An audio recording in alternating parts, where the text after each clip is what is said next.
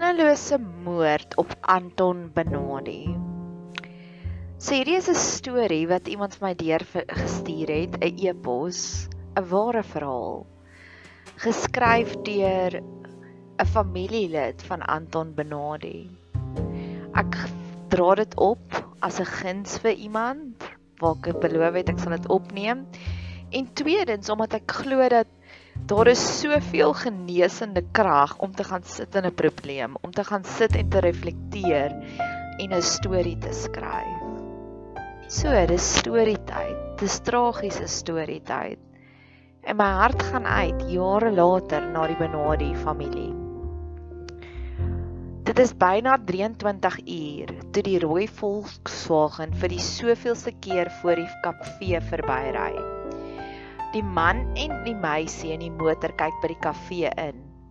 Hulle is uiteindelik tevrede, die kafee eienaar is alleen.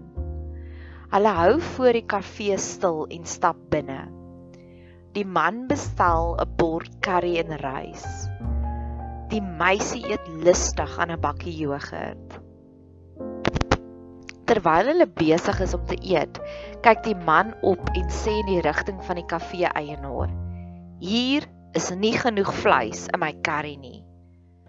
Die vriendelike kafee eienaar bied dadelik aan om meer vleis in die kombuis te gaan haal. Hy stap agtertoe by die kombuisdeur in met die curry eter kort op sy hakke. Terwyl die kafee eienaar omdraai om die vleis uit die kastrol te skep, hoor hy die jong man agter hom sê: "I like my meat." Die volgende oomblik klap 'n skoot. Die koel wat dwars deur die kafee eienaar se liggaam ruk, slaan in die kastrol met curryvleis vas. Half in 'n beswyming sak hy op die vloer ineen. Deur die nevels van bewusteloosheid hoor hy die geldlaai oopgemaak word. Hy weet dat daar so wat R240 in die laai is en dat dit die byt van sy onverwagte aanvaller word. 10 minute later klop die man aan sy huis se agterdeur. Slegs 'n paar tree van die kafee af. Sy vrou wat om 2 ure van tevore spring lewendig in die kafee agtergelaat het, staan vir 'n oomblik verstom toe sy haar man se toestand sien. Haar desperate poging om in die huis in te sleep is te vergeefs. Hy is te swaar vir haar. Sy roep hulle huishulp nader en saam dra hulle haar man na die motor. Sy besef dat daar nie tyd is om op die skop skok te reageer nie en jaag dadelik hospitaal toe. Voordat meneer Anton Benade, die 29 eienaar van die El Rina restaurant op Dispatch in die Oos-Kaap, 10 dae later op 22 Februarie 1973 in die hospitaal beswyk het, het hy 'n verklaring aan die polisie gedoen. Die enigste getuie van die gebeure daardie aand, 12 Februarie 1973 in die Alrina is dood. Selfs met sy verklaring en die beskrywing van die twee besoekers wat laat aan sy restaurant binne gestap het, het die polisie nie veel leidrade gehad om op te volg nie. Want sy beskrywing na die kort ontmoeting was baie vaag. Hoofstuk 2 2 en 'n half maande voor sy dood het meneer Benadi die Alrina gekoop met die geld wat hy as baie suksesvolle versekeringsmakelaar bymekaar gemaak het. Hy en sy vrou Ria was 8 en 'n half jaar getroud. Hulle het twee dogtertjies gehad. Karen wat destyds 7 jaar oud was en Adele wat 3 was. Na sy dood het sy suster en sy swaar, meneer Andries en mevrou Joey Gerber, die Alrina oorgeneem. 4 maande later het die polisie nog in die duister getas. Ons het niks gehad om mee te werk nie.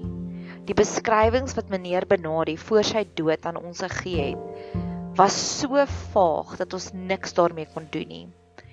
Ek het vir 'n kollega gesê dis die een saak, die een wat ons nie gaan oplos nie.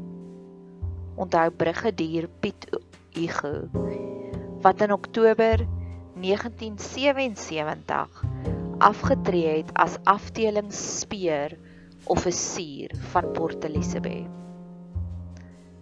Binne 3 dae sou brigadier Hugo homself egter troof. Nadat hy in die koerante laat publiseer het dat hy 'n beloning aanbied vir inligtinge verband met die moord, het die inligting uiteindelik by hom uitgekom. Mevrou D J M Jubaar Lucies eienares van die strand het na Junie sekere inligting bekom en 'n verklaring aan die polisie gedoen. Sy het die eienaardige verhaal van 'n 17 en 'n 27-jarige Bonnie en Clyde vertel. Clyde, die 27-jarige Hendrik Louis Bredenhan het op 1 Februarie 1973 by mevrou Huber gaan Lucy soek. Hy het gesê hy sal later vir 6 maande vooruitbetaal. Hy het hom goed voorgedoen en sy het hom die plek gegee. Het die 27 17-jarige Bonnie wie se naam weens haar jeugtyd nooit genoem is nie een aand aan haar voorgestel as sy niggie. Sy was bekend gestel as mevrou Brown in die hofsaak. Op 29 Februarie 1973 het Bredenhan haar man se motor geleen. Hy het gesê hy wil geld op Stellenbosch gaan haal om haar te kan betaal. Dieselfde oggend het Bredenhan die meisie na haar gebring. Sy was in swart geklee en het 'n swart pruik opgehad. Die meisie het baie senuweeagtig gelyk en het gesê Bredenhan het haar ooreed om haar vader se revolver saam te neem. Bredenhan het mevrou Joubert op 12 Februarie gebel en gesê hy kon nie terugkom nie omdat hy 'n man in die rug geskiet het.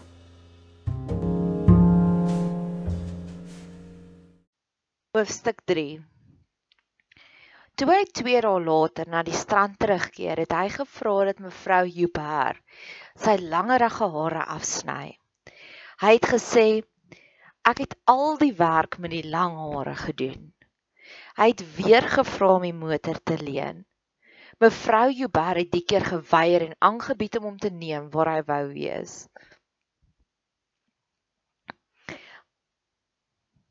Hy het haar toegevra om hom na 'n vakansieoord naby Montetjie te neem. Op pad soontoe het hy gereeld gevra om iets langs die pad te kry. Sy het verskeie kere stilgehou. Net nadat hulle met die terugkeer deur die Tetoys Kloof tonnel gery het, moes hy weer vir Bredenhand stilhou. Toe hy uit die motor klim, het hy iets wits in sy hand gehad en sonder dit teruggekeer.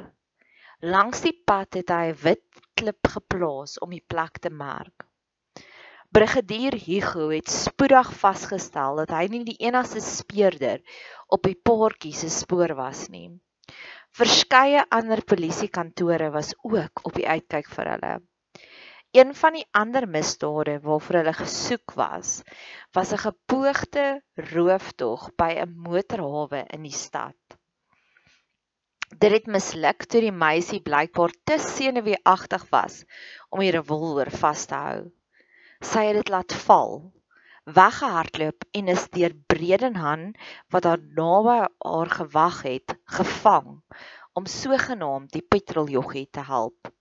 Hulle het spore gemaak en die lang pad dispatch toe aangepak. Brigadier Hugo het met die hulp van die Brixtonste moord en roofeenheid destyds onder die bevel van kolonel Karel Coetzee ingeroep om die meisie vir hom op te spoor.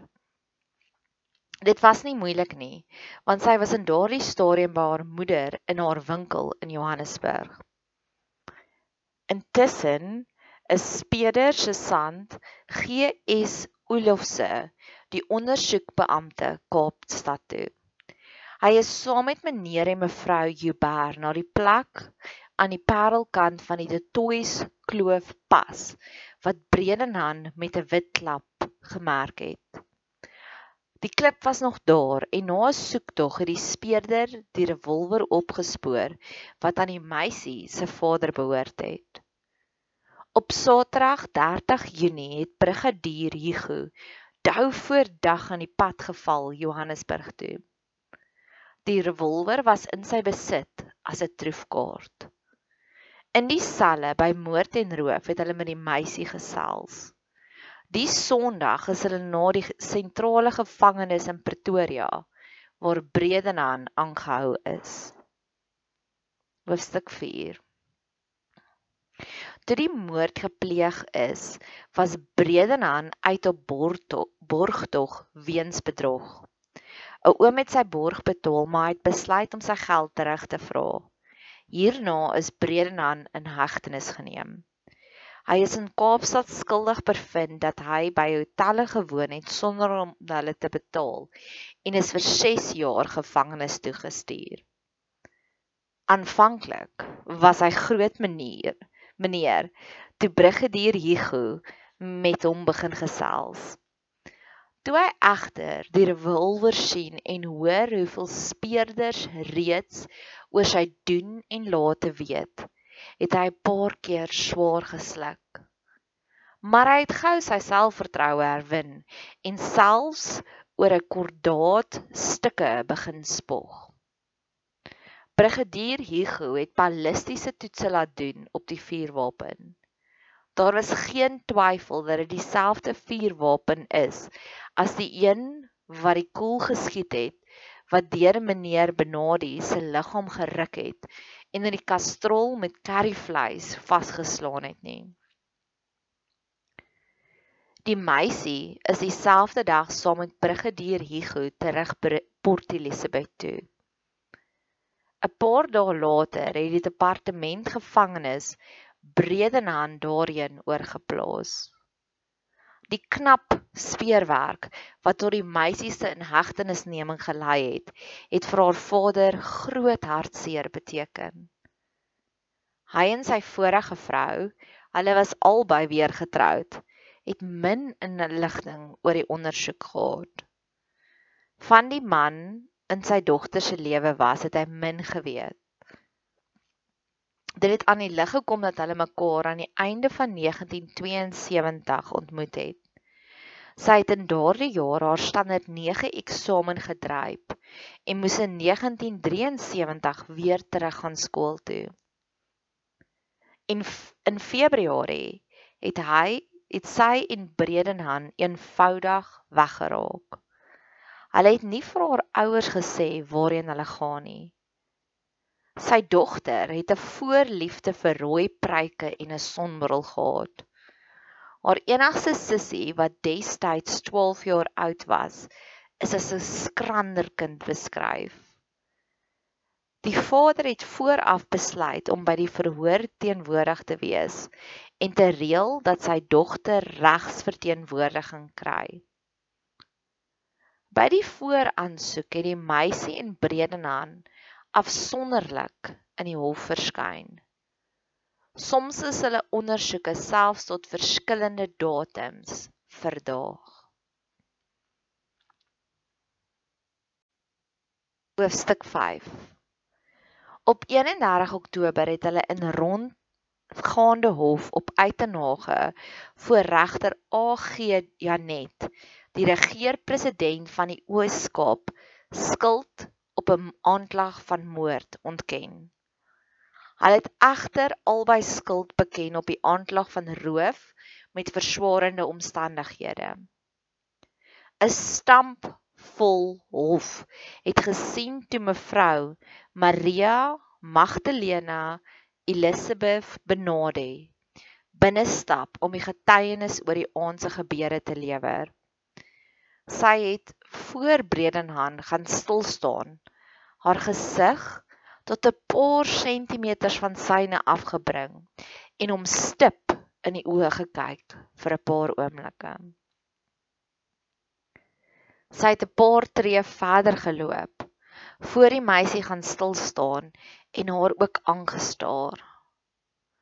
Mevrou Benoni het getuig dat sy haar man daardie aand tot omstreeks 21 uur in die kafee gehelp het.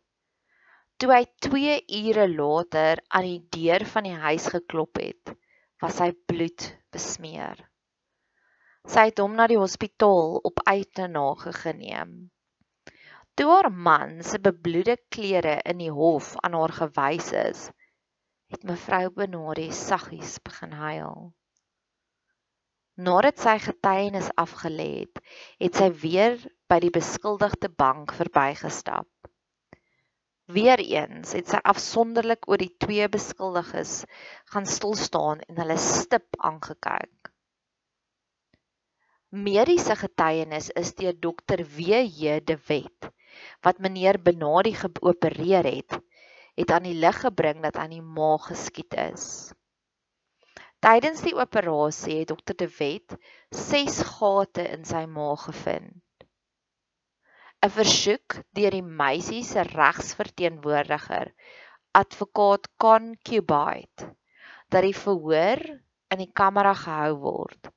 Aangesien sekere getuienisse baie persoonlike aspekte van haar verhouding met Bredenhan na vore sou bring, is die deur die regter Janet van die hand gewys. Hy het gesê dit is onwenslik om verhore van die aard in die kamera te hou.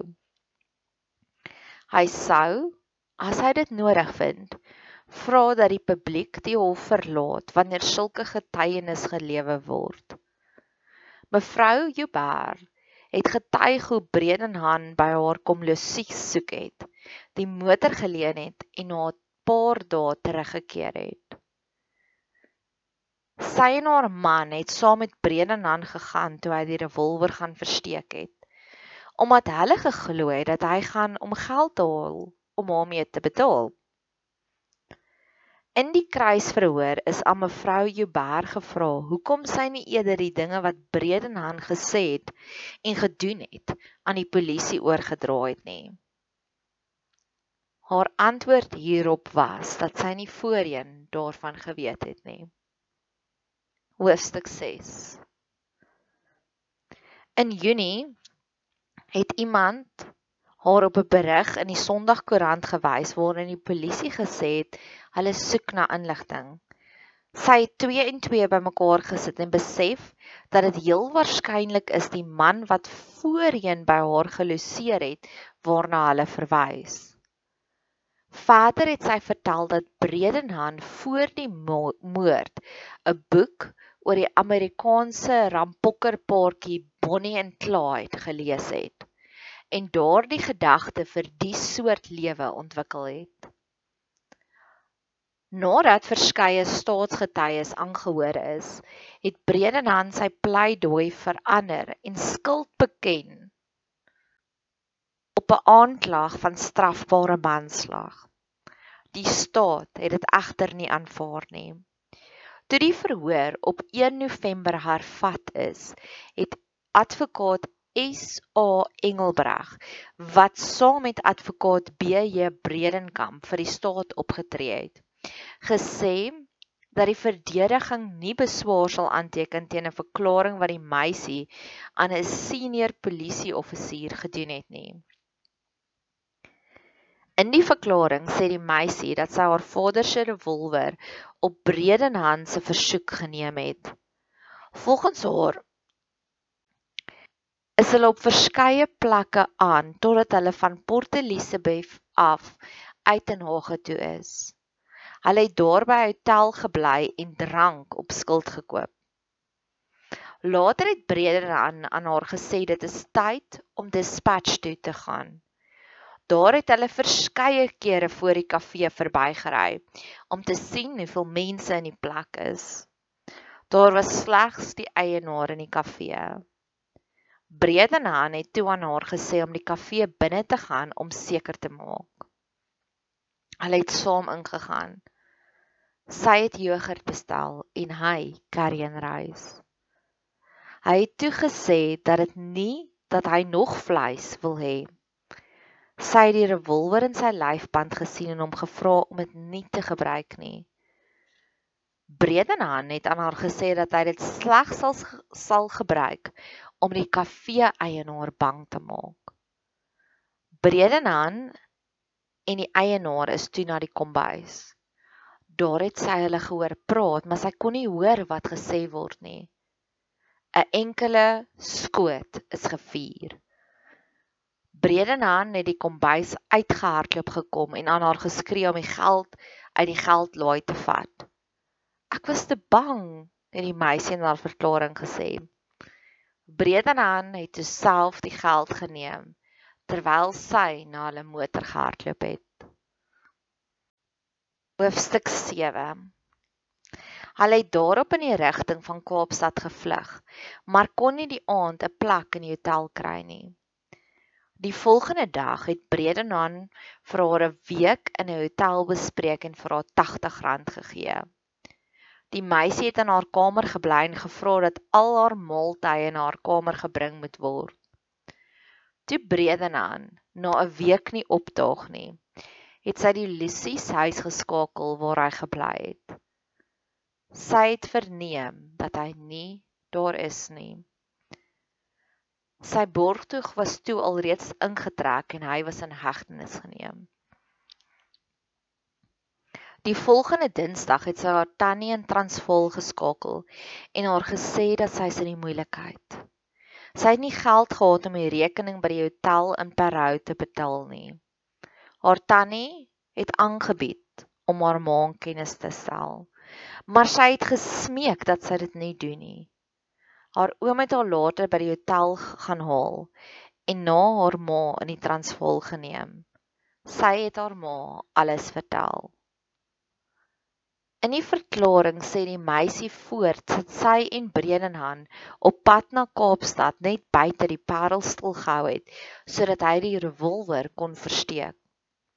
Bredenhan het aan haar gesê dat hy die kafee eienaar van agter in die sy geskiet het en dat hy nie sou sterf nie.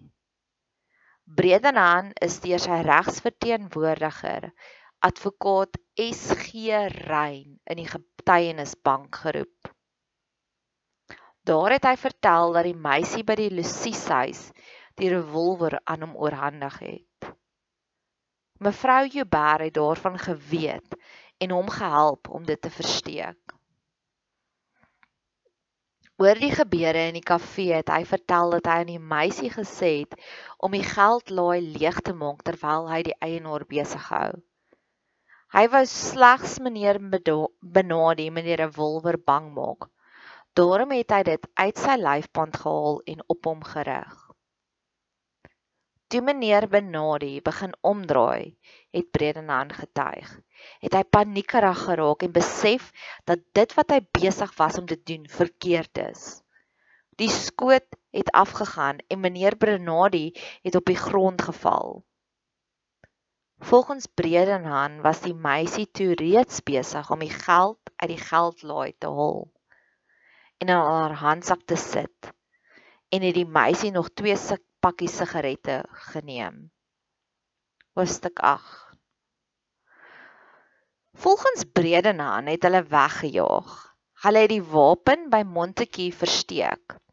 Op Parow het die meisie by hotel afgelaai en gesê hy sal later met haar in verbinding tree. Daarop het hy mevrou Joubert geskakel en aan haar gesê: "Ek het 'n man geskiet." Toe hy by die Lucies huis aankom, het meneer en mevrou Joubert aan hom gevra waar hy die wapen versteek het. Hulle het gesê hy moet dit gaan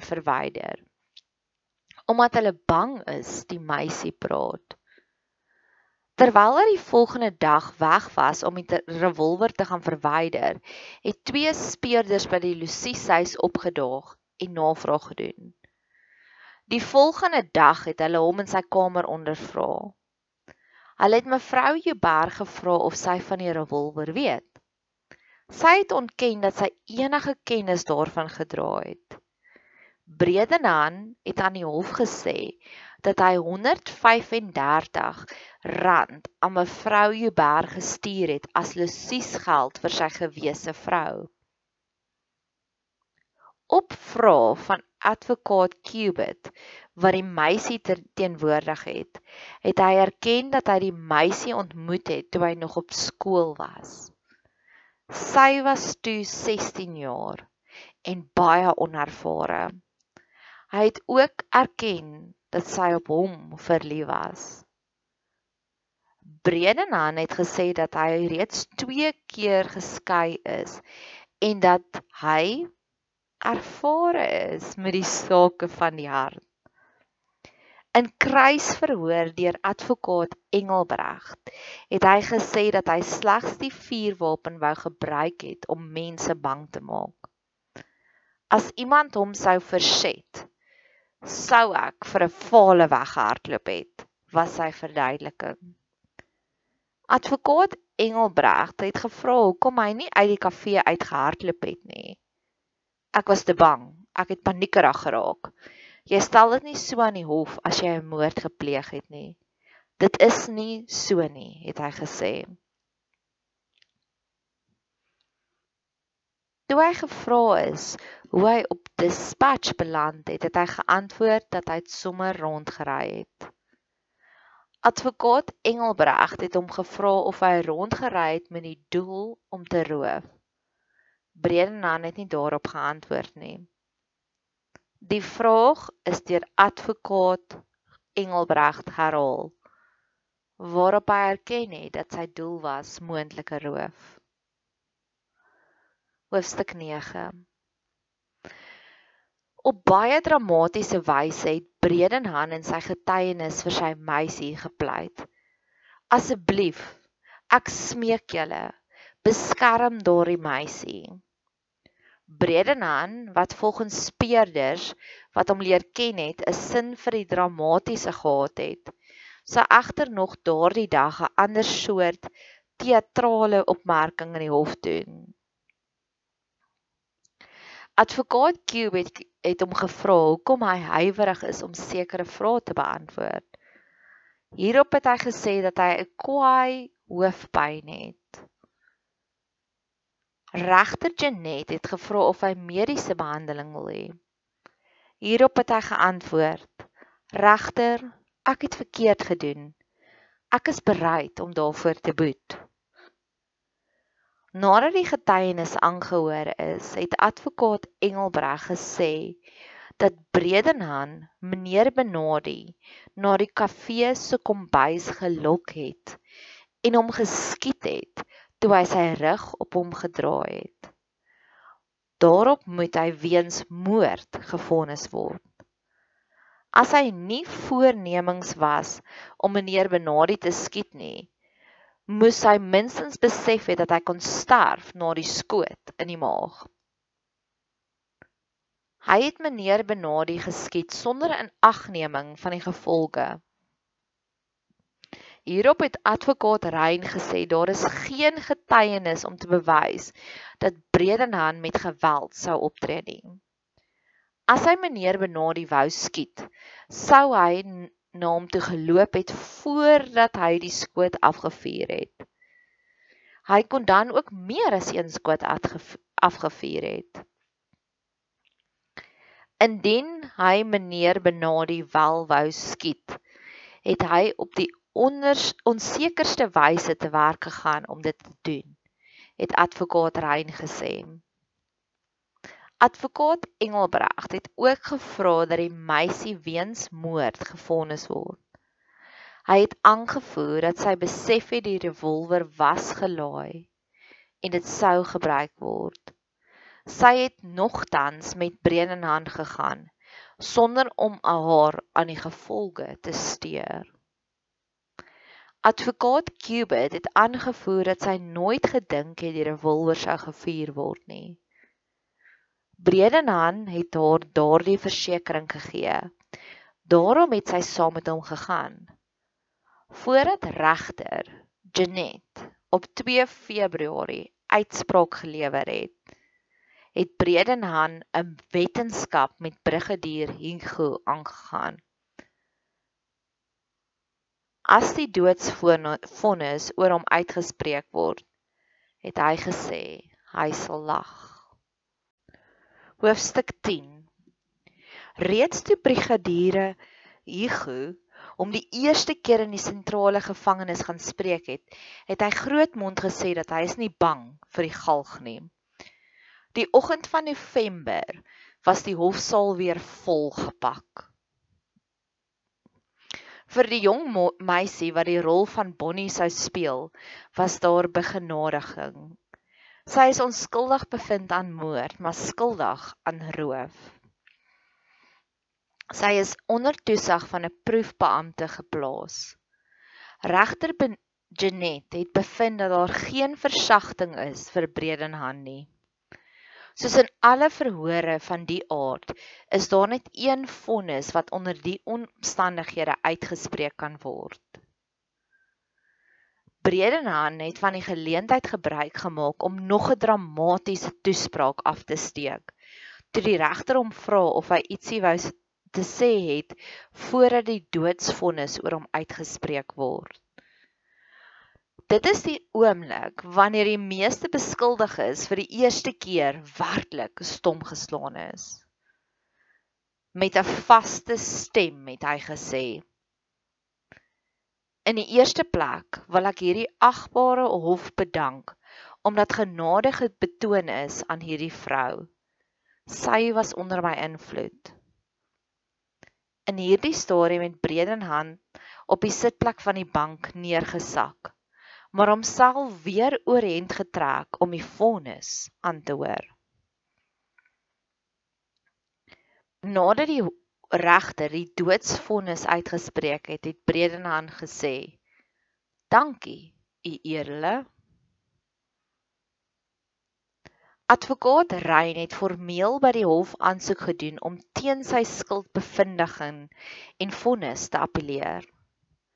As grond is aangevoer dat 'n ander hof versagting kan vind in die feit dat dit die opsig om te om te moer verkry is uit omstandigheidsgetuienis. Die aansoek is deur advokaat Engelbreg teengestaan op grond daarvan dat geen ander hof tot 'n ander bevinding sal kom nie. Regter Janet het die aansoek van hand gewys. Bredenhan het egter nie sy wetenskap met brigadier Hugo vergeet nie. Hoofstuk 11. Bredenhan het egter nie sy wetenskap met brigadier Hugo vergeet nie. Voordat die vonnis uitgespreek het, het brigadier gesien dat Bredenhan aanhoudend in die hofsaal rondkyk. Hy het egter nie die speeder gesien wat by die deur gestaan het nie. Toe hy afgelei is na die selle, moes hy eers van die brigadier af wegdraai en dan weer in sy rigting draai om die trappe af te gaan.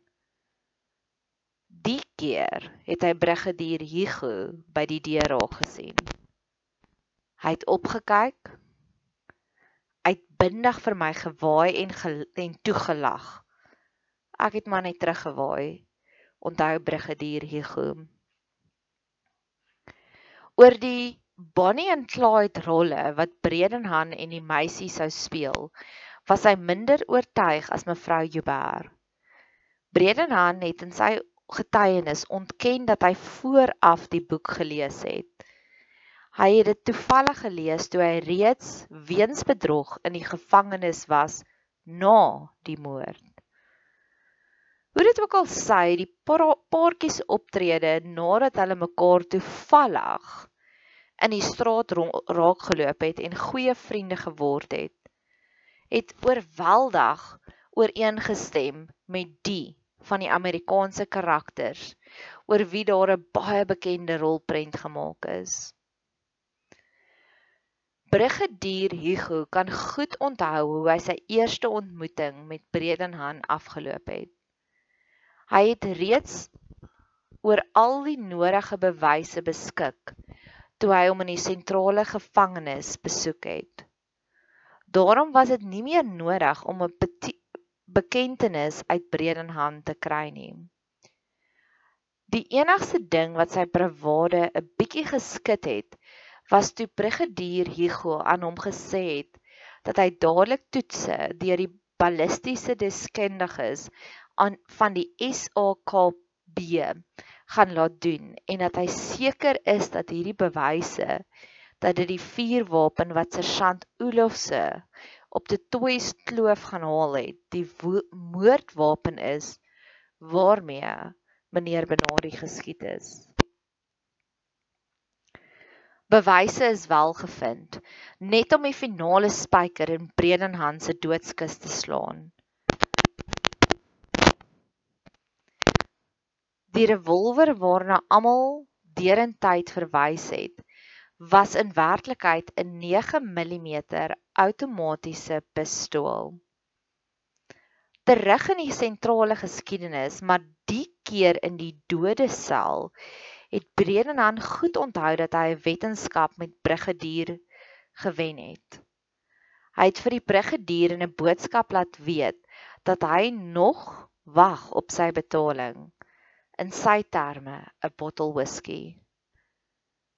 Sy wagtydperk in die dodesel sou egter van korte duur wees, slegs 4 maande en 17 dae. Hoofstuk 12 Miskien sou die liefhebber vir die dramatiese en die kenner van die sake van die hart minder gelukkig gevoel het oor sy boetedoening as hy geweet het dat sy teregstelling maar bitter min publisiteit geniet het. Sonder veel drama het Hendrik Louis Bredenhan op 19 Maart 1974 die hoogste tol betaal vir nog 'n moord wat in die Suid-Afrikaanse misdaadgeskiedenis as uiters sinneloos aangeteken staan. Die einde